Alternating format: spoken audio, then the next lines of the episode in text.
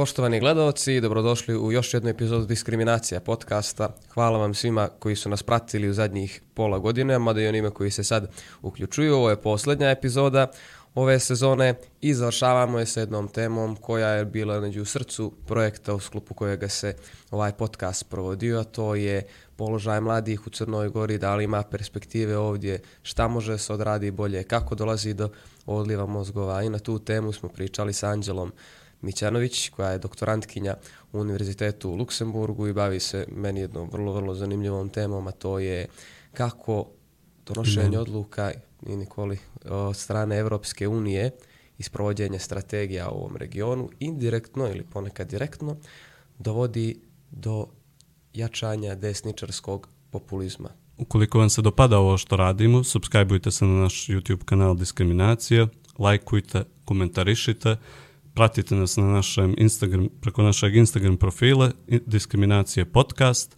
i nemojte da nas zapostavite ovo ljeto jer ćemo imati još sadržaja koje ćemo izbačati, a nove epizode možete da očekujete od septembra. Uživajte u epizodi, uživajte u ljetu i vidimo se na jesen.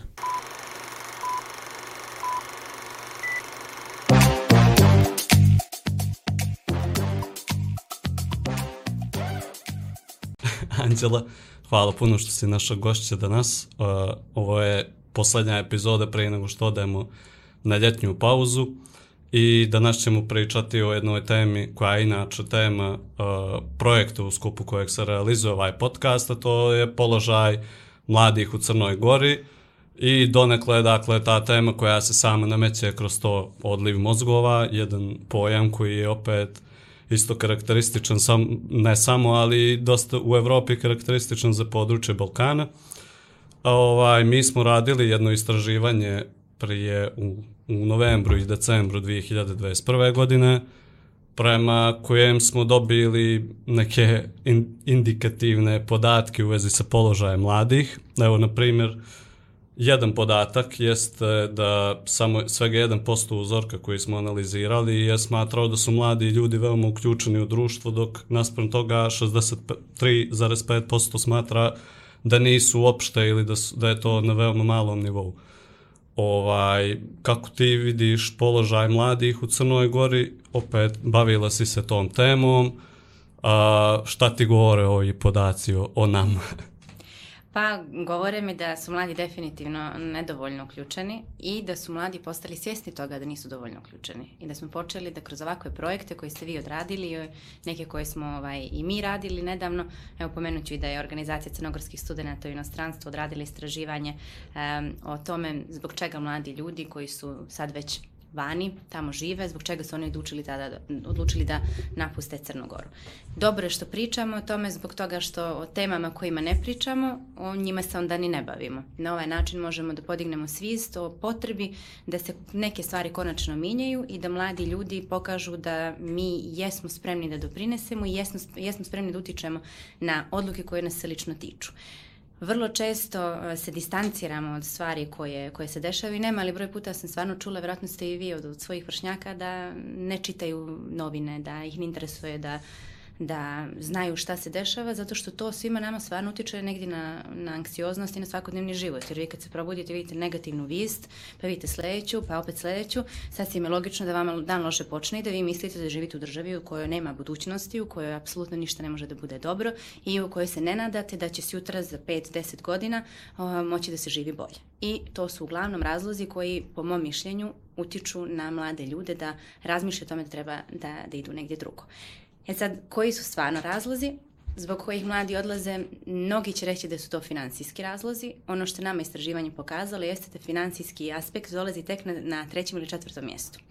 Prvi razlog je uglavnom politička klima u, u Crnoj Gori, odnosno nezadovoljstvo mladih ljudi e, društveno-političkom situacijom.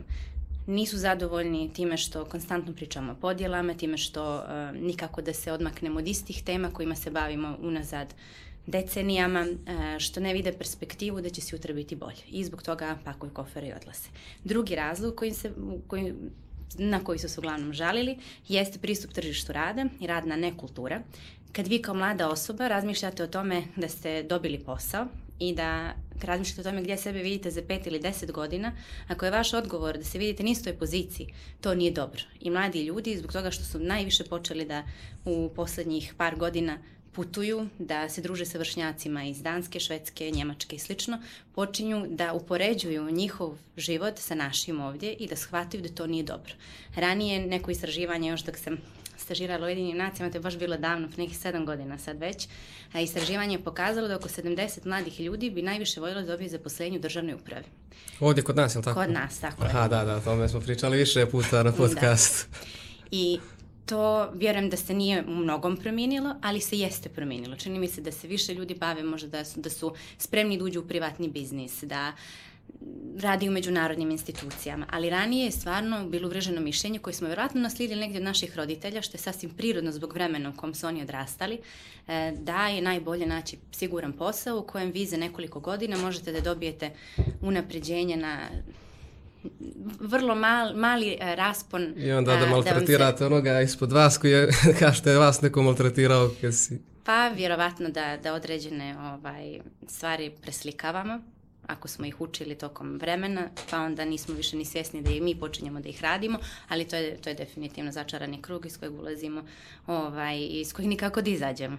Tako to je drugi razlog, treći razlog je financijske prirode. Da, zanimljivo to što si rekla, ovaj, vrlo sličnu stvar smo mi našli u našem istraživanju. To je bilo jedno, jedna pilot studije gdje smo baš imali pitanja otvorenog tipa koja su se kasnije transkribovala. Mm -hmm. Koji je najveći problem po, što se tiče položaja mladih u Crnoj Gori? Znači, tu nismo dobijali odgovore od, 300, od uzorka od 300, ja sam ih lično transkribovao, stvari poput uh, čuvanja svetinja ili uh, tekovina antifašizma ili sprečavanja 1918. takvih stvari, tu nije bilo što se tiče makar ovoga uzorka mladih. Njima je bilo to da ljudi, mi želimo da imamo tranziciju iz obrazovnog sistema na tržište. Na tržište. Najveći problem je bio to. Sa druge strane, kao najveći problem unutar toga najvećeg problema, to je nalaženje posla, su naveli nepotizam, koji je možda karakterističan posebno za ovu našu sredinu. Kako na to gledaš s obzirom da si da sad radiš u Luksemburgu, kakav je položaj tamo što se tiče toga problema? Pa, jedan od glavnih problema s kojim se Luksemburžani suočavaju jeste što su im velike gužve kad se vraćaju sa posla, jer su im puni autoputevi i onda ne znaju kako to da riše. Tako da ova njihove, njihova na svakodnevica je mnogo drugačija od naše i to je nažalost zbog toga što Crna Gora ima mnogo potencijala da bude država koja svojim građanima može i građankama da obezbidi dobar, uh, dobar život. Um, sve te stvari koje si ti pomenuo, i nepotizam i korupcija, činjenica da ne živimo, da je mnogo siromašnih, nažalost, u zemlji, e, činjenica da naše obrazovanje nije kako treba, da može biti mnogo bolje, da ne možemo da se oslonimo na zdravstveni sistem. Moje mišljenje da glavni problem našeg društva je naš mentalitet. E, problem je u tome što mi ne dozvoljavamo da neko bude bolji od nas. Kad je bolji od nas, mi to vidimo kao problem nama samima, a ne kao mogućnost da budemo, i, da i mi kroz tu osobu napredujemo i da nam bude bolje. Jedan čovjek s kojim volim da razgovaram jer uvijek naučim dosta pametnih stvari mi je, napravio, na, baš smo pričali o tome i napravio paralelu sa futbolskim timom. Kaže, zamisli tim u koji dođe jedan, ne znam, evo Messi ili neko koga vi volite Kad bi sad svih preostalih deset e, članova plus ili ovih koji su na klupi, vi ćete im pomoći, ne znam tačno koliki je broj. Ne znamo ni mi. Ajmo na košarku. Može i košarku. Messi, Messi dođe u košarkaški klub. Odlično. Tako je, Messi dođe u košarkaški klub i sad svi se pobune što je došao Messi, jeli? Ili Jordan, ajde sad malo mi čudno pričam da, košarci o Messi. I umjesto da razmišljaju da će ta osoba da im pomogne sa više asistencije, više koševa, po, više pobjedničkih uh, utakmica. Kad dobijete više trofeja, vama raste cina na tržištu. Istovremeno svakom podobijenom utakmicom vi dobijate više novca. Znači mi tako treba da razmišljamo. Ako vidite pametnu osobu u vašem timu, dajte joj vjetar u leđa, jer ta osoba će tebi da pomogne da budeš još bolji. Tako je mislim da je to najveći problem i još jedan um, problem koji iz njega proizilazi jeste to što naše društvo, naše institucije um, vode ljudi koji nisu dovoljno stručni i mi ne radimo ništa da to promijenimo. Da, jedna se stvar desila prije nekoliko dana, koja mi se baš kosa na glavu podigla koja je jedna samo tako fenomenalna manifestacija svega ovoga što si, što si iznijela i problema medija, vijesti odnosa prema mladima i obrazovnog sistema i to što mi ne dozvoljavamo nikome da bude odličan u onome što radi. Mi jedva čekamo da nekoga spustimo ko se malo uzdigao. ovaj, što, ova djeca koja su imala loš rezultat na olimpijadi znanja iz matematike. Ne znaš ste li ispratili na roditelji.me sam pročitao članak iz Ministarstva prosvjete koji se pitaju da li je to do nerada djece ili do nezainteresovanosti Te iste djece. do nezainteresovanosti te iste, te iste djece. I onda kada tretiramo tako te kadrove, mislim, to su djeca koja garantujem da im je IQ preko 120, 130 kad su već probrana, kad su već probrana tu, št- kada nisu ta djeca, ono, katastrofa se osjećala pos, posle toga. Ta djeca će posle ovoga, posle ovakvog tretiranja, sa punim pravom da žele da idu van države. Naši problemi su više slojni. To je naj, naj em, to je najveća nesreća u svemu. Zbog toga što vrlo često mi kad pokušavamo da adresiramo probleme, mi adresiramo tu jednu pukotinu na bazenu koji kreće da puca, mi ga onako to zalijepimo i onda idemo dalje dok se ona ne proširi, dok ne bude još stvar gora. E, zašto je došlo do, do takvog rezultata i zašto godinama unazad mi imamo loše rezultate na PISA testiranju? Moje mišljenje iz više razloga. Prvi razlog je što profesori, nastavnici, učitelji, učiteljice nisu dovoljno uvaženi u našem društvu i nisu dovoljno stimulisani da rade. Pa moraju da drže verovatno i privatne časove i njihov radni dan ne traje 8 sati nego mnogo duže. Drugo, zato što najbolji učenici i učenice nisu dovoljno nagrađeni, ne samo i nužno finansijski, nego nisu dovoljno društveno, e, nije se dovoljno zahvalilo za njihov trud ili ih podstakli i motivisali da budu još bolji u budućnosti. Loše je to što su naši udžbenici, iako mi usvajamo po nekom mom iskustvu dosta široko teorijsko znanje koje, koje može da se mjeri i sa mnogim mladim ljudima širom svijeta, mi imamo prilično a, zastarele udžbenike. Mi ne idemo korak sa vremenom i vrlo je teško da se vi takmičite sa jednom Finskom koja je odavno prešla na a, mnogo modernije tehnologije i njihova djeca već barataju i kompjuterima i um, teško je takmičiti se kad ste, kad ste mnogo iza onih koji, koji su nistom tom o, takmičenju na kojem ste i vi. Tako da ovo su sve stvari koje, koje moraju da se, na, ovo je problem koji mora sagleda sa više različitih aspekata i da mu se tako pristupi. Jedan konkretan primjer jedne politike koja se meni lično u jednom dijelu dopala, u drugom mislim da je mogla biti bolje obra- obrađena, jeste, em, jesu besplatni udžbenici za sve, recimo osnovci i os, osnovnoškolke. To je dobra politika jer živimo u društvu u kom, nažalost, roditelji ne mogu da priušte svojoj djeci besplatne udžbenike, ali šta ste naučili dijete na kraju dana kad ste mu dali besplatan udžbenik? Vi ćete svake godine da štampate za novu djecu nove udžbenike, ove stare, stare će da se bacaju. Mi nismo država koja reciklira, znači gdje idu ti udžbenici, zašto nismo razmislili o tome da se školama daju udžbenici, pa da primjera radi, svako dijete može da iznajmi udžbenik na početku godine i da bude svjesno da ukoliko ga čuva tokom godine, na kraju godine može da ga vrati u biblioteku. A ako šara po knjizi, ako ne vodi računa o, o knjizi, tu knjigu će on ili njeg, on, ona, njegovi roditelji morati da plate. Znači, na ovaj način vi učite djecu, pod jedan, da vode račun od kućnom budžetu, pod dva, da im država nešto daje, ali da oni moraju da vrate nešto, da daju nešto za uzvrat. Učite ih da škola radi sa njima i da oni mogu da se oslone na to da će im biti lakše, ali sa druge strane da se očekuje odgovornost prema stvarima koje im se daju. Sve što je besplatno nije dovoljno vrijedno, nažalost. Slažem se 100% s tobom, ali da si ovo iznijela na nekom drugom mediju, osim na ovome podcastu gdje imamo neku selekcionisanu publiku koja će vratno ovo da razumije, vrlo vjerojatno bi izašlo u vijesti Anđela Mićanović Je, protiv, besplatnih Ne, udžbenika. to se legit desilo našem prošlom, našem prošlom gostu, ovaj, Ivan Piper, on je saradnik u nastavi na, na, na UDG-u. Kad se uvodila ona inicijativa da master studije budu besplatne. Nije On- master, nego ja mislim i osnovni master. On je napisao otvoreno pismo tadašnjem ministru prosvete, mislim da je bio Šehović, ovaj, sa par teza da je on potpuno za to, ali sa par briga da ukoliko se to odradi na taj, taj, taj način, desit će se to, to, to i to, ajmo umjesto toga da odradimo to, to, to i to. Znači, vrlo, vrlo jednu konstruktivnu kritiku i predlog. Nakon toga budi se on jedno jutro i otvara vijesti i vidi svoju sliku i naslov Ivan Piper, saradnik u nastavi na Univerzitetu Donja Gorica je protiv toga da se ljudi besplatno školuju. Dobio je 14 prijetnji smrću u narednih nedelju dana. Znači, to je... Nadam se da mi ne najavljujete nešto. E, Šalu na stranu, puno je nedobronamirnih ljudi, saglasna sam i to je još jedan od problema s kojim se suočavamo.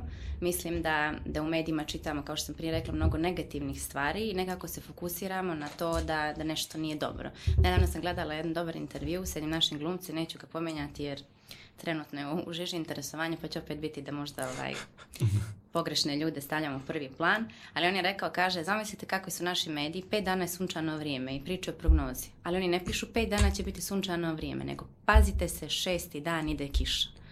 Znači, koliko mi stavljamo akcenat na negativne stvari umjesto se bavimo onim što je dobro, jer kad vam je kad je dobro, dobro stvara dobro. A ako konstantno živimo u nekom negativnom poimanju života i svijeta, onda ćemo teško vidjeti perspektivu, baš naprotiv. Natjerat ćete ljude koji su čak i mislili da nam je ovdje, da, da postoji neka perspektiva u Crnoj Gori, da pomisle da je uopšte nema. Tako da, da je to ovaj, vezano za ovo što sam prije rekla, znači nisam rekla da učbenici ne zbog vas, nego zbog onih koji su možda pogrešno razumijeli. da previše zabrinuli ne, sad. sad me zabrinuli. Da ne treba da budu besplatni, naprotiv, mislim da obrazovanje treba da bude besplatno, da je sreće, mi bismo mnogo veće stipendije davali najboljima, jasno nam je da, da ekonomija naše države ne može da bude, da podržava recimo stipendije koje daje Danska, koja svakom studentu daje 900 eura samo što studira, ali da se preusmjere sredstva i da se stvarno um, sprovode politike koje daju rezultate u narednih 10 godina, a ne instant, da su to nužno politički ili neki drugi poeni. Mislim da je jako važno da, da počnemo da razmišljamo u tom pravcu i da da razmišljamo zašto ovo što danas radimo može da bude dobro za nas jutra. To je ono što radi Luksemburg i iz ovih pola godine koliko sam bila tamo sam to naučila. Evo, primjera radi, baš taj problem koji imaju uh, zbog gužvi nakon vraćanja sa posla, oni su odlučili da riješe tako što će uvesti besplatan javni prevoz. Znači, ljudi ne plaćaju javni prevoz, njihov javni prevoz je naravno modernizovan i naravno skupo je, ali su oni razmišljali da će njima za pet ili deset godina, ako više ljudi bude koristilo njihove autoputeve, oni će morati te autoputeve primjera radi da preslače. Mm -hmm. I oni su sabrali, oduzeli, rekli nama se više isplati na godišnjem nivou da podržavamo besplatan javni prevoz, nego da to radimo za pet ili deset godina. To nam fali. Pa da, definitivno bih se složio da nam fali tih dugoročnijih rešenja u, u strukturi javnih politika, u strukturi zakona, nekako sve djeluje kao da se donosi ad hoc. Sjećamo se famoznih ekonomskih reformi Evrope sad i zaduživanja. To traje još? To još traje uh, autoput koji opet nije urađen na studije izvodivosti i tako dalje, nego išlo se na neke populističke poteze koji su u kratkom roku naravno donosili nešto što je što su glasovi birača, a u dugom roku izaziva ozbiljne strukturne probleme u, u čitavom društvu. Dobro, to dijelom sam saglasna, dijelom mislim da, da su neke uh, politike koje su donijeli bile, do, dobre. Mislim da jedna od stvari recimo u Luksemburgu vraćam se non stop na Luksemburg, prostor sam tamo pa mogu da, da pratim njihove medije i da, da razumijem šta rade. Kada je počela kriza u Evropi, ekonomska prouzrokovana je ratom u Ukrajini, oni su automatski povećali sve plate u državnom sektoru za 2%. Istina, inflacija je sad mnogo veća, sad je blizu, mislim, 9%, ali oni su automatski gledali kako da pomognu svojim građanima da prevaziđu trenutnu situaciju u kojoj su se našli. Pa su na posle toga uslijedile jednokratne novčana pomoć zbog porasta cina goriva i tako dalje. Šta hoću da kažem jeste da je vrlo važno voditi račun o građanima i građankama, o tome koliko je um, potrošačka korpa porasla, koliko je kupovna moć opala, da vodimo računa o tome da penzioneri sa svojim i onako malim penzijama ne mogu da priušte sebi da prežive mjesec. To su stvari o kojima možda nismo dovoljno vodili računa ranije, a o kojima su, eto, kroz ove politike možda pokušali da... Da, da, da. No, ja, ali Evropa sad je, Evropa sad je uved, najavljena tri, četiri mjeseca prije nego što je izbio rat u Ukrajini. Ono, mislim da nije imala... Ne, ne govorim tu... da imala veze, nego, ti, nego samo kažem kako kako neke države Aha. razmišljaju o svojim Da, to, to mi je jasno tome, kako neke da. države razmišljaju. Nije mi jasno kako Crna Gora nekad razmišlja o svojim građanima. Naprimjer, pomenula si Dansku koja ima a, kredite za stipendije za studente. Bespovratno novčana Be, Bespovratno mi imamo isto jedan mehanizam studentskih kredita i stipendija opet koji je po zakonu povratan, ali ne znam baš opet koliko se to sprovodi u praksi, a i ti krediti su 45 eura mjesečno, čini mi se. Ja sam prvu godinu, na prvu godinu studija primala 36. Ovo je, ovo je Dobro, inflacija. inflacija je bila isto. ja sam primao 42, tako da... Znači više. Dobro, Tako dobro, da ipak. Crna Gora brine o svim studentima, da, da, da ne bude, da nema takvih politika, ali mislim da je opet uh, da obrazovni sistem i visoko obrazovanje, pogotovo da su to investicije koje ne mogu, a da se ne isplate dugoročno na neki način nekoj državi. Ako, ako je obrazovni sistem doveden u stanje koje je koje je adekvatno da produkuje kadar koji, ne kadar, to je isto isto lju, ružno malo riječ, ali koje produkuje individualce koji a, su sposobni, koji ne jure neki politički cilj zarad političkog cilja i političkih poena, nego zaista angažuju se u svojoj zajednici radi nečega što je opšte dobro zajednice. Mislim da je obrazovni sistem ta ključna, ključna stvar a, prije naravno tržišta rade i, i ekonomskih politika koje opet kod nas trebaju, trebaju neke reforme.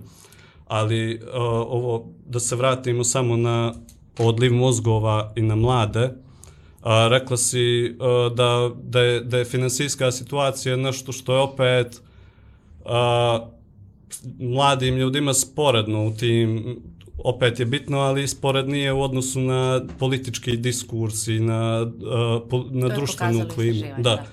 Tako, pokazuje, tako je otprilike i naše A istraživanje Mene je tu samo sporan jedan, jedan moment. pokazalo. Ovaj, političke tenzije su mi primarne, a onda migriraju u Ameriku, gdje su političke tenzije, ono, pola države zabranjuje abortus, a pola države priča da je pol socijalni konstrukti. ono. Ma da, ali ti kad is, problematično a, malo. mislim da opet a, narativ iz Crne Gore ti je mnogo bliži svakodnevnici tvojoj, ako živiš ovdje, nego narativ iz Amerike. Ti možeš da imaš inputa koji su indirektni, koji dolaze preko medija, društvenih mreža i tako dalje, ali to nije primarno iskustvo života u Americi. Daću vam primjer para koji je učestvovao, da. primjer para koji učestvovao u ovaj istraživanje, znači istraživanje je očisto zbog onih koji gledaju da mogu da stave u neku ovaj perspektivu, 132 ljudi učestvovali, to su sve ljudi koji žive vani, 98% ljudi je e, između 24 i 40 godina, 2% je starije od 40, znači to je otprilike profil ispitanika i jedan par je pričao o tome da su jedno i drugo radili u e, međunarodnim institucijama u Crnoj Gori, da su imali prilično dobre plate za crnogorske uslove. Međutim, da su ipak odlučili da odu, preselili su se, ne žive, žive u Evropskoj uniji, ne žive više ovdje, već godinama e, i djevojka je govorila o tome da je ona tokom svog odrastanja e, živjela na Kosovu. I kad je počeo rat na Kosovu, da je ona tad bila mala i ona kaže mi nismo znali šta su demonstracije, ali mi smo non stop živjeli s koferom spakovanim pored vrata. Ja se sad iz ove perspektive, kaže, toga sjećam. A ono što smo mi radili, vidiš demonstranti, ti kao dijete trčiš za njima, misliš da se nešto, eto, lipo dešava, jel? I nakon toga je ona i njena porodica morala da se vrati u Crnu Goru, oni su inače iz Crne Gore, samo što su zbog posla se preselili tamo. I kaže da su te stvari koje ona proživjela ostavile na nju vjerovatno određene vrste traume, zbog koje ona konstantno, kad god se dese ovakva neka trvenja u našem društvu, a evo ih ima mnogo češće nego što, što bismo voljeli, svaki put se sjeti svega toga što je bilo i očekuje ono najgore. Mislim da je mnogo ljudi koji su isto to ili proživjeli ili slušali od svojih roditelja i zbog toga je kod nas društveno-politička situacija mnogo veći trigger da ljudi odu nego što je to možda negdje drugo. I zbog toga mi kad e, gledamo Ameriku, mi ne vidimo možda te stvari jer ih nismo doživjeli. Njihovi problemi su drugačiji nego što su naši. Kod nas su to konstantne e, podjele na vjerskom i nacionalnom nivou koje su završile ratom i vi kad čujete da se to opet dešava, vama to vraća uspomene ili barem ono čemu ste čitali i vi se plašite da se može desiti ono najgore. Posebno mislim da se to pojačalo nakon rata u Ukrajini, jer možda čak i naša generacija, mogu da pričam u svoje ime, kad god bi neko pričao o ratu na Balkanu, za mene je to bilo nemoguće. Prosto to mi je prevaziđeno bilo, koliko god to možda nema ni, ni do kraja smisla, ali onog momenta kad, kad sam od svog društva u Ukrajini, kad su pričali o tome da će početi rat, slušala da oni svako veče izađu na piće u grad sa društvom, su oni prosto 2014. novamo navikli na takvu tenziju u društvu i da su se samo jednog jutra probudili, da su u pet ujutru morali da upale auto i da idu ka prvoj granici. Tad sam nekako ja se zamislila da li to može se desiti nama. I zbog toga mislim da je strašno važno što postoje emisije kao što je ova, što postoje ljudi kao što ste i vas dvojica, e, aktivisti, aktivistkinje koji stvarno pričaju i koji se bore protiv ove situacije sa kojom se mi ovdje suočavamo. Zato što ne znate u kom momentu uh, može da, da pređe onu granicu koja je podnošljiva i da, da prosto da, ne znamo šta da, da, da, ima smisla potpuno. Zapravo, ja znam pa... priče iz 90-ih, od, od, od nekih starijih generacija, da su se te stvari baš tako dešavale, ovaj, teta koja je, kojoj sam iz agencije za izdavanje stanova dok sam studirao u Novom Sadu kojoj sam donosio kiriju je pravoslavne vjeroispovijesti iz Hrvatske. Ovaj, ona, ona priča, ona priča meni ono kao kako je došlo, kako je došlo u Novi Sad, odakle, odakle u Srbiji. I priča kao mi u, u Hrvatskoj, ne zaboravim sad koji je tačno, koji je tačno grad bio, možda je bio ili Vukovar, nisam, nisam siguran mi smo izlazili, družili smo se, pili smo piće, mi smo se družili pravoslavci, Hrvati. Samo u jednom momentu počeli da. su kao mladi, neki ono kao mladi momci, navijači, ne znam, ja eto kao stave naočare za sunce, obuku jakne i kao ono paradiraju po gradu. Oni plage veze nisu imali šta će, šta će da se desi, niko nije to slutio. Bilo jedno ljeto, ona i sestra su otišli na more u Crnu Goru. I više su Hrvatsku nisu vratili. Kao samo su im javili, majke i tata je, ođe je rat izbio, ovi su ih, uz, ovaj komšije neke porodični prijatelji su im pružili tu u kući u Crnoj Gori da budu neko vrijeme, posle toga su otišli u Vojvodinu i tamo su se našli, no, prvo je uspjela majka da im izbjegne, posle toga i otac ili obratno, ali te stvari je, je, je zivo kako se zapravo dešavaju Ma i mi podcjenjujemo, mi podcjenjujemo da su i naši roditelji i naše babe i djedovi svi imali ta iskustva i da smo mi svi odgojeni od strane ljudi koji su imali ta iskustva opet u Crnoj Gori ne može se reći da nije bilo rata 90. godina i kako ga je bilo, to se vidi po posljedice, rata smo posljedice a vidi se i po žrtvama ljudi koje su date u, u tom ratu. Ovaj, I jeste stvarno, mislim da se nekad da, da upravo baš zbog toga što je to veliki trigger, mislim i nama je nešto zbog čega brinemo kad vidimo ovakav narativ od strane ljudi koji bi eto trebalo da na najodgovorniji način vode naše institucije da mi ne moramo da razmišljamo o tome ćemo li za 5 dana bježati ono iz, iz države, ali međutim oni to eto ne rade. Da li, da li vidiš uh, izlaz, mislim, ta neka stabilnost koja nam je potrebna, ja mislim, i, bezbjed, i osjećaj bezbjednosti prije svega u društvu, da li to može da se ostvari kroz evropske integracije? Moje mišljenje je da da. I mislim da um, trenutna situacija s kojom se sočava Evropska unija nama ide u korist ako to iskoristimo na pravi način. Um, šta mislim po tim? Znači, Europska unija se u prethodnih deset godina suočavala s različitim krizama, od migracione krize do Brexita, poslije toga se desio COVID, poslije COVID-a se desio rat u Ukrajini i Europska unija je prisutna na mnogo različitih žarišta i pokušava da se sa njima bori na način na koji, na koji prosto to može. Sa druge strane, Crna Gora se nalazi u regionu Zapadnog Balkana, Crna Gora je 2012. godine dobila status kandidata i mi smo zatvorili već, odnosno otvorili 33 poglavlja i mnogo smo napredniji nego što su, što su ostali. Europskoj uniji bi iz ove sad perspektive, s obzirom na to da je poslednju članicu primila 2013. Hrvatsku, a nakon toga da se suočili sa Brexitom, pa samim tim i sa porastom euro, euroskepticizma, Pored toga u Evropskoj uniji raste desnica, pogledajte Poljsku, pogledajte Mađarsku, e, prilično demokratsko, e, demokratija pa na neki način e, je ugrožena u Evropskoj uniji i to je prilično vidljivo. Znači, Evropskoj uniji treba da pokaže pod jedan da je i dalje vitalna, ukoliko bi oživjela politiku proširenja, ona pokazuje da je i dalje spremna da širi svoje ideje, demokratije, slobode, jednakosti.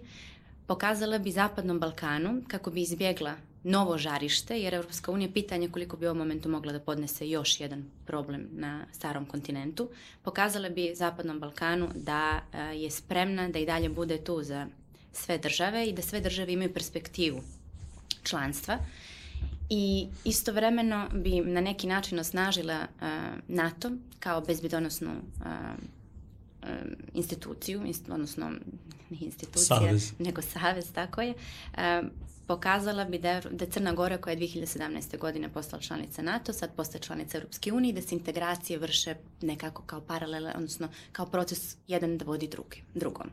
Sad ono što je problem kod naših uh, političara možda, političarke, jeste što se mi bavimo naravno pitanjima koje su interno i ne koristimo ovaj moment koji sad imamo da ubrzamo evropske integracije.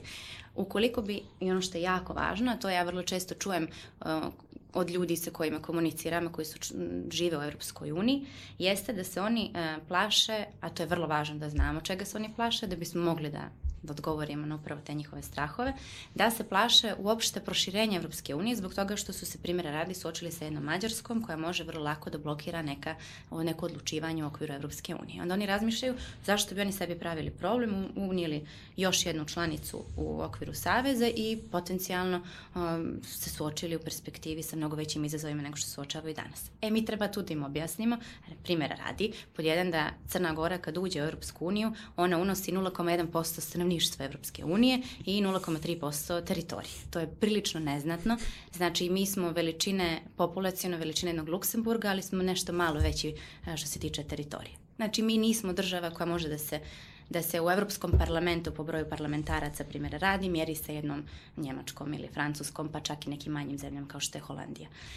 Drugo, treba im objasniti da je Crna Gora već dugo vremena zapadni saveznik, pa ako im objasnite na primjeru trenutne krize s kojom se suočavamo i kažete da smo mi uveli sankcije Rusiji pridružili se Evropskoj uniji, iako četvrtina našeg BDP-a zavisi od turizma, a 30% ili nešto više od 30% su bili turisti koji su dolazili iz Rusije i Ukrajine, vi im onda objašnjavate da ste vi zaista na evropskom putu i da ste vi spremni da podnesete neku žrtvu koja je prilično velika u slučaju Crne Gore, koja je mala država sa malim GDP-em, odnosno BDP-om, u odnosu na, na druge evropske zemlje, vi im pokazujete da ste vi stvarno njihov saveznik. I konačno treba da im se objasni da to što oni neće primiti Crnu Goru ili neku drugu članicu uopšte ne znači da će njima u okviru saveza biti bolje niko njima ne može da garantuje da sutra prva Njemačka možda neće postati nova e, nova Mađarska, da će Crna Gora biti mnogo bolji saveznik. Znači, treba adresirati njihove strahove. Ja mislim da nama generalno trebaju možda, pričali smo o tome, ali trebaju um, obsežnije analize sa, iz različitih uglova i dugoročnije strategije da bismo mogli da, da na pravi način idemo naprijed. Ali da odgovorim na tvoje pitanje, definitivno mislim da bi Europska unija um, pomogla ne samo nama, nego i um, i cijelokupnom regionu Zapadnog Balkana, jer dok god naši političari imaju Evropsku uniju kao jedan od glavnih narativa um, i na izborima, oni moraju da se drže na neki način evropske agende. A ako uspiju da ubijede i sebe, a onda i nas, građane i građanke, da Evropska unija nam ne misli dobro i da nam Evropska unija, da ne postoji perspektiva u okviru Evropske unije, da treba da se sklonimo od nje, onda ko će biti naš uzor? To je onda pitanje i koja je naša dalja budućnost, kome se okrećemo. Pa iskreno, mene, mene je malo strah ono, kako bi izgledao naš politički život van evropskih integracija. Mislim da to ne bi imalo puno smisla ovako sa ovakvim političkim strukturama kakve jesu na sceni. A mislim da se iznijelo baš uh, te brige njihove, jeli, ali isto i uh, količinu žrtve koju Crna Gora podnosi, jer jeste, ovo, je, ovo, nije, ovo nije društvo koje je kulturološki ili ekonomski, a, istorijski slično jednoj, jednom Luksemburgu, jednoj Belgiji, jednoj Holandiji u smislu a, da ne počiva na tim principima liberalne demokratije kao što počivaju te države, nego je počivalo na nekim drugim principima, I mislim da u pregovorima mora da postoji ta jedna kulturološka komponenta, jer opet ni, ni Evropa nije jedan kulturološko homogeni kontinent, nego se sastoji od 40-50 nacija država, od ko zna koliko različitih etničkih grupa i naroda koje funkcionišu nekad različito, nekad sličnije, ali mislim da, da svakako da Crna Gora u tom smislu nije ništa deficitarnija od nekih članica, e, čak članica Evropske unije, a pogotovo od Mm. zemalja, zemalja kandidata. Nismo mi sad kulturološki toliko različiti. Jesmo, naravno, svaka... svaka Mislim, istorijski ovako, čak i istorijski, ako se vra- sad sjetimo, nego idemo previše ovaj daleko, ali na Berlinskom kongresu mi smo bili jedna od rijetkih država u Europi koja je bila prepoznata. To su stvari kojima mi treba da pričamo. Mi treba, kad sjednemo sa njima, da, im, da ih podsjetimo na ono što jesu istorijske činjenice i da kažemo smo mi u društvu evropskih naroda već dugo. Znači, ne, ne, nis- ne čine oni nama neku preveliku uslugu time što oni prepoznaju da smo mi slični kao oni, jer mi smo već dio cjelokupne te priče, samo što nas je negdje vrijeme povelo u, u nažalost, ovaj, pravcu ko možda nije trebalo. Tako, to su sve stvari koje naši političari, koje naši državni predstavnici, ambasadori treba da razgovaraju sa njima. Jer to što si ti rekao, o tome razmišlja mnogo ljudi u okviru Europske unije. I sve te birokrate u okviru Europske unije i donosioci odluka u okviru posebnih država, oni su svi, svi čitaju vjerojatno slične knjige i slične medije. Znači, to su sve slične brige koje oni čekaju da im mi objasnimo. Oni neće sami sjesti i onda ubiditi sebe, jeste Crna Gora treba da uđe. Zato što njima to u momentu, pored svih problema s kojima se očavaju, nije prioritet. E, zbog toga mi to treba da uradimo i mi treba da, da nađemo način da to iskomuniciramo, da dobijemo ono što hoćemo. svakako, to je dvo, dvosmjerni proces nekako, mislim da je, da je aktivnija uloga a, te, te naše pregovaračke strukture veoma bitna, pored naravno Tako internih reformi koje su neophodne. Samo u tim internim reformama mi se čini da nekad postoji ta e, kulturološka, odnosno in, razlika na institucionalnom nivou, da da nisu funkcionisali istorijski isto institucije Crne Gore i, na primjer, Belgije ili Francuske. Aha, jel ono što hoćeš da kažeš da i ukoliko mi uzmemo i precrtamo zakone i institucije... Ne, ne, da ne, baš, pa, ne, ne, baš suprotno mislim da, da neki, naravno ne može da nije isti zakon vjerovatno koji reguliše, ne znam, koju oblast, državljanstvo u Njemačkoj i u Francuskoj. To su zakoni prilagođeni a, državi, zajednici, ljudima koji žive tamo, a ne, ne znam, ima sad različitih, ne, ne govorimo o preslikavanju zakona, nego baš primjera suprotno radi. o kreiranju naših rešenja za naše probleme. Ja ću ti, moje iskustvo je, znači živjela sam u Njemačkoj dvije godine, sad se preselila u Luksemburg. U Njemačkoj, ako sam došla u 301 da izvadim neki papir, oni su meni zatvorili šalter i rekli 301. Ako ste u Luksemburgu, ja mogu da danas pozovem da mi nešto završe, da mi se oni jave posle tri dana. Znači, oni kažu za sebe da im je jako spora administracija, da im je loša birokratija čak kažu potičem više na Francusku, jako je bilo tu uticaja ovaj, Njemaca i Belgijanaca. Um, međutim, hoću, da, hoću ti kažem da e, nisu ni oni toliko savršeni koliko mi mislimo. Naravno, postoje i kod njih ovaj, različiti problemi i to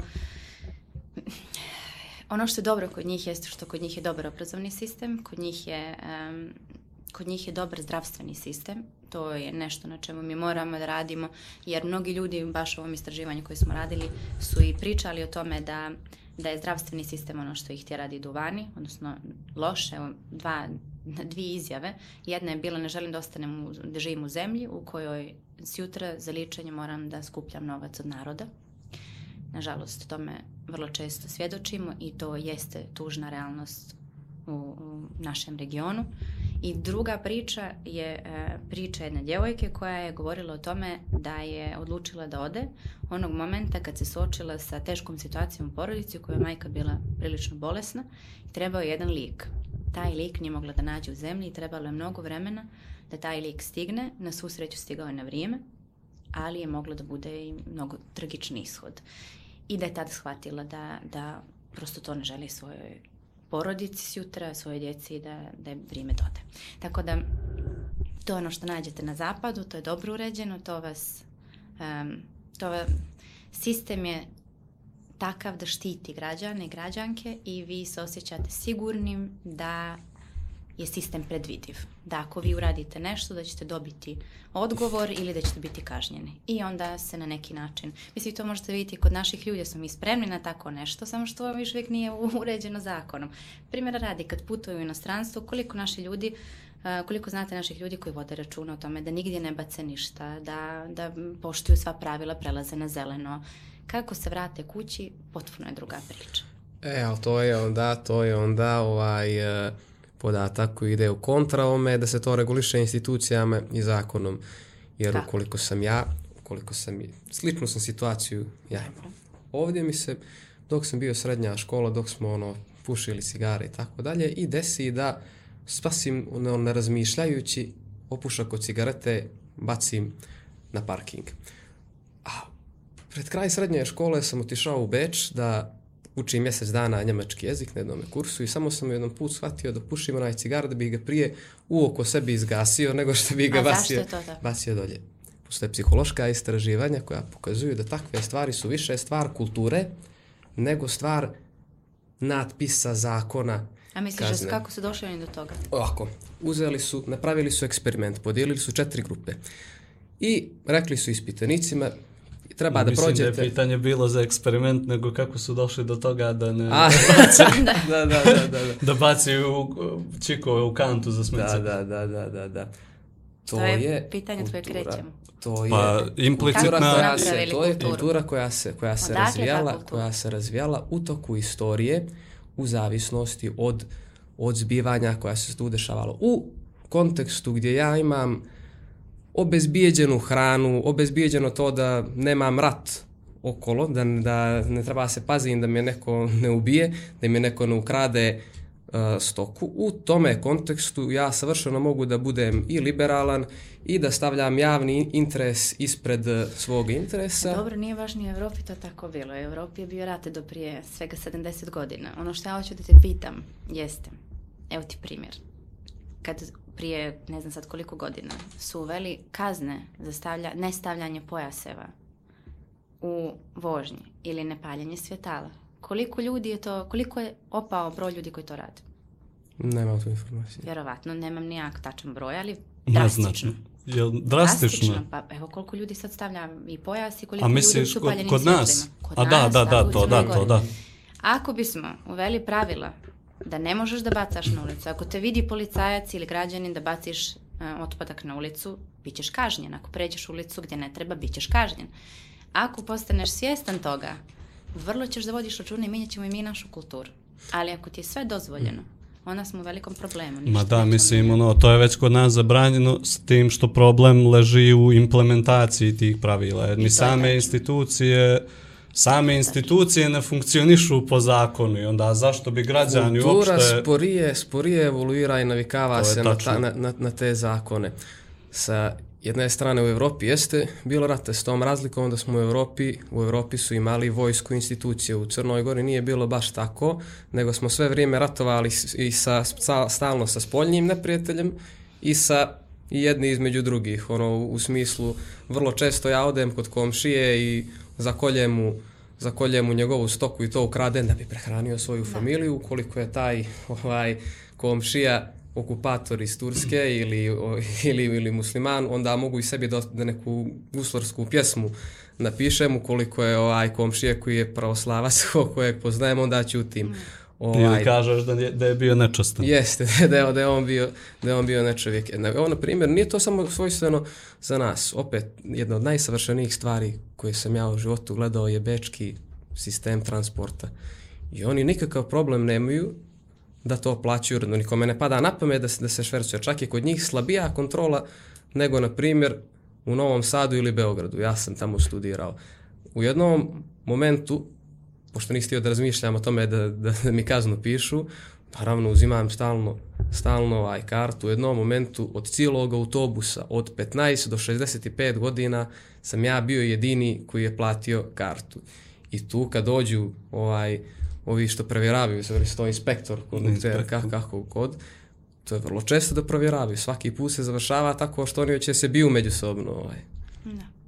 Tako da bi za to trebalo vremena. Treba vremena. Neko je nedavno ovaj, pričao u javnom prostoru o tome da smo mi prosto podnevlje kojem je bilo mnogo ratova i da je sasvim prirodno što se ovako sporo krećemo. Nisam u potpunosti saglasna sa tim jer prošla je Njemačka kroz ratove, prošla je, ne znam, evo Japan je, bačene su dvije atomske bombe, pa evo pogledajte gdje je Japan danas, gdje je Njemačka danas, a što nama tako sporo ide cjelokupni proces. Mislim da je to zato što nismo kadri da ostavim prošlost u prošlosti i da se posvetimo sadašnjosti i budućnosti. Na neki način je to i teško jer je mnogo nerazjašnjenih zločina. Mnoge porodice su izgubile svoje drage ljude i nikad nisu dobili objašnjenje, nisu i to su prosto pomirenje, na pomirenju mora da se radi na Balkanu, ali isto tako mora da se radi i na ekonomskom prosperitetu i moramo se okrenemo pozitivnim i dobrim stvarima. Mislim da tu a, mediji igraju jako veliku ulogu zbog toga što ako a, e, su nam na programu a, reality programi i ako mladi odrastaju uz reality programe ne možete očekivati da, da će oni da provode velike, da donose velike rezultate i da postanu od talenata za, za ne znam, muziku, da postanu operske pjevačice ili pjevači ovaj, koji su svjetski poznati. Znači moramo nekako naći način da, da radimo sa mladima i da im budemo podrška, a ne da ih guramo da ili odu ili da prosto se zatvore u sebe. A kakav ti utisak, eto, ovaj, jedna od tvojih ovaj, tema za doktorsku tezu, koliko sam shvatio i mogao da, mogao da pročitam, je uh, desničarski ovaj, povećanje autoritarnosti i desničarskih pokreta u Evropskoj uniji i procesi evropskih integracija, je tako, u, u demokratizaciji. Šaljeno kako ga završiš. Obavezno, obavezno. Kakav je tvoj utisak? Eto, to manje pratim, pa me baš interesuje, mnogo manje pratim evropsku političku scenu nego našu i, i američku. Čini mi se mi da dosta ovdje se vodimo identitetskom politikom, nego programskom. Ono, kao najglavno pitanje, sad nam je temeljni ugovor sa, sa, sa crkvama, koji ja pojma nemam tačno u čemu se, u čemu se sastoji, ali eto glavno je... Ne znaju ni oni puno o tome. Ne zna, ne, ne zna puno ljudi u čemu je tu stvar. Kako je situacija, na primjer, u Luksemburgu, Njemačkoj, Evropi, taj balans je to ako, kako bi, kako bi ga mm. moglo opisati, kvantifikovati nekako programska naspram identitetske politike? Um, jedan od problema naših političkih partija, koje, prosto to je moj, moj stav, uh, jeste što nemamo jasnu ideologiju. Naše partije vrlo često nemaju ni svoje političke programe, ali istovremeno ni građani građanski to, građanke to ne zahtijevaju od političkih partija. Tako da to je problem i partija, ali i nas kao društvo što to ne zahtijevamo. Um, zbog toga dolazimo do toga da naše partije su uglavnom sve svoje politike sprovode u odnosu na, identite, na pitanje identiteta ili u odnosu na uh, si, trenutne situacije onako kako se dešava, da idu um, go with the flow, idu sa onim što prosto proživljavamo u tom trenutku. U, prije sam vam pričala o tome da moje iskustvo u Luksemburgu je potpuno drugačije. Njihovi problemi su u velikoj mjeri drugačiji nego što su naši. Oni recimo razmišljaju o tome da li ko je plagirao rad i ako je neko plagirao rad na univerzitetu, ta trenutno imaju čak e, istražuju da li njihov premijer plagirao rad, nikakav problem nije da njihovi profesori, njihova naučna zajednica izađe da kaže prema onome što smo mi vidjeli ili što sam ja vidjela, ja smatram da jeste plagirao, iako je on premijer. Znači, oni e, nemaju tu e, kulturu u kojoj e, posebno poštuju autoritete, zbog toga što su oni autoriteti u smislu funkcije, već ih poštuju u smislu rezultata. Dakle, ako vaš rezultat nije zaslužen, moja je obaveza da ja kažem da on nije zaslužen. A, što se tiče identiteta u Luksemburgu, Luksemburgu, recimo Luksemburg City, 50% ljudi su stranci. I mnogo je Italijana, mnogo Portugalaca, naših ljudi mnogo živi u, u Luksemburgu i ne mogu da vam kažem da sam osjetila tamo da, da me neko drugačije gleda što sam strankinja, baš naprotiv. Ovaj, mislim da oni više gledaju kako vi doprinosite njihovom društvu i da oni vide recimo u mom konkretnom slučaju da moje istraživanje može Luksemburškom univerzitetu sutra da pomogne da se oni popnu eventualno ne znam na, na ljestvici jer ću ja objavljivati radove ili ću se pojavljivati na konferencijama pa ću uticati na njihov, njihovu reputaciju i slično. Sad govorimo o sebi, nije baš lijepo, ali Slobodno. tako je sa svakim drugim, hoću da kažem studentom, uzela sam evo tebe za primjer kao studentkinju njihovog univerziteta. Sad, o, što se tiče mog rada, ono što ja pokušavam u svom radu da, da pokažem čime ću se baviti naredne tri godine jeste da Evropska unija je sa svim onim što se dešavalo u njenom dvorištu na neki način doprinijela rastu desnice i demokratskog nazadovanja i regiona Zapadnog Balkana. E sad, obično kad kažem to, nije baš milo ni Evropskoj uniji da to čuje, ali um, iz razgovora sa svojim prijateljima koji rade u nekim svjetski poznatim renomiranim institucijama koje nama daju preporuke kako bismo trebali da unaprijedimo svoje politike, vrlo često sam čula da oni e, ni ne znaju gdje se nalazi naša država i da vrlo često preslikavaju politike koje su uspjele negdje drugo na naše države. A to nužno ne mora da bude tačno. Zašto? Zato što je prosto ovdje kontekst drugačiji, drugačija je kultura kao što smo prije pričali. Znači, vrlo je bitno da um, Evropska unija kad donosi politike vezano za naš region dobro zna kakvi su Crnogorci, kakvi su Srbi i Albanci, kakva je naša istorija, kakav, ne znam, kakvi su odnosi između Makedonaca i Hrvata i tako dalje. Znači, vrlo često um, zbog nedostatka možda um, ili interesovanja ili često možda čak i znanja o istoriji regiona, uh, dolazimo u situaciju da se neke politike možda sprovode ili pogrešno ili da recimo je možda Evropska unija u nekom momentu pomislila da bi um, zaustavljanje ili odlaganje, bolje da kažem, pregovora sa Albanijom i Sjevernom Makedonijom bilo podsticajno, a u stvari možda proizvelo neki potpuno drugi rezultat. Znači, potrebne su i Evropskoj uniji bolje analize i dugoročnije strategije, a za to je prije svega važno da imaju ljude koji znaju šta se dešava na, na našem zapadnom Balkanu. I eto, to je samo kratak uvod u moje istraživanje. Ovaj, time ću se baviti naredne tri godine. Iskreno se nadam da ću na kraju doći do zaista preporuka kako da se ubrza proces integracije na Zapadnom Balkanu. Moja želja, iskreno se nadam da ćemo iskoristiti ovaj moment da do kraja mojih doktorskih studija mi uđemo u Europsku uniju pa da onda ako te ne preporuke... i prije. Pa, ako ne i prije. Pa da onda te preporuke se odnose na ovaj, ostalih pet zemalja i istočnu Evropu. Svakako će biti korisne. Evo, Da, da. ovako, za kraj bih te samo pitao, uh, pošto smo krenuli sa odlivom mozgova, završili nekako s Evropskom unijom, a da li misliš da bi integracija Crne Gore u Evropsku uniju ubrzala ili usporila proces odliva mozgova? A ovo, ako se, ako se ogledamo na Hrvatsku, nažalost ne bi bilo pozitivno po nas i zbog toga je važno da politike usvajamo već sad, a da ne čekamo da uđemo. Evo, primjera, radi u Hrvatskoj u periodu od 2014. do 2020, znači Hrvatska je ušla 2013 godina nakon do 2020. 250.000 ljudi se iselilo iz Hrvatske. Znači, selili su cijeli Split, mm -hmm. e, to je njihov Ili cijelu Podgoricu, grad, evo, ako već poredimo s nama. tako. Ali to je drugi najveći Da. grad u Hrvatskoj. Znači, to je 4% stanovništva a, koje je Hrvatska imala u trenutku pristupanja u Europskoj uniji.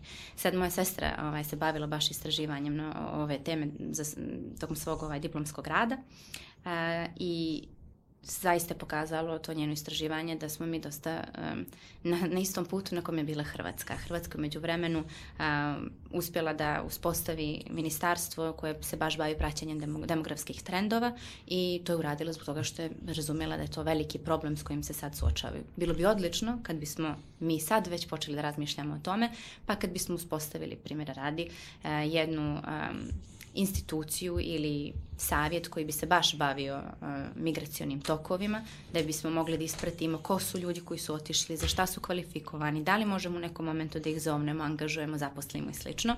Um, iz ovog istraživanja koje smo mi radili, 86% ljudi, znači velika većina, je na pitanje da li bi uh, za slučaj da ih neko pozove bili spremni da se ili vrate ili da iz inostranstva doprinosu reklo da. Tako da to je prilično indikativno da su naši ljudi i dalje vezani za Crnu Goru i da su i dalje spremni da na neki način doprinesu. Međutim, mi nemamo sistem koji to može da omogući. Znači, mi imamo nekoliko različitih institucija koje se time bave, ali nemamo jedan uvezani sistem. Bilo bi dobro kad bismo to napravili, kad bismo od sad pa nadalje pratili mlade srednjoškolce i studente, odnosno studentkinje, koji odu vani, zašto su otišli, gdje su otišli, gdje su zaposleni, za šta su kvalifikovani i slično. Bilo bi odlično kad bismo istovremeno mogli da a, se malo pozabavimo pozitivnim primjerima naših naučnika, umjetnika, umjetnica, um, po, po, prosto ljudi koji su napravili nešto i koji su kvalifikovani, kako bismo, a koji su se vratili. Zašto? Zato što bismo na taj način nekako a, podigli nade drugim ljudima koji su ovdje i rekli da je ima pozitivnih primjera, da ljudi koji su se mjerili sa svijetom su ipak došli ovdje da učine našu zemlju boljom i da ste njima lipo bilo ovdje. I onda bi to možda um, ove negativne priče s kojima se budimo svakog jutra stavilo u, drugi plan. Anđela, hvala ti još jednom na ovome razgovoru. Želimo ti sreću sa doktorskim studijama i Hvala, nama svima sreću s ovim evropskim integracijama, pa se nadamo što god dođe prvo ili još bolje, kako si rekla, ako dođe istovremeno, da ćemo imati priliku još jednom da razgovaramo ili eventualno snimimo i reprizu. Hvala puno na pozivu, bilo bi mi zadovoljstvo.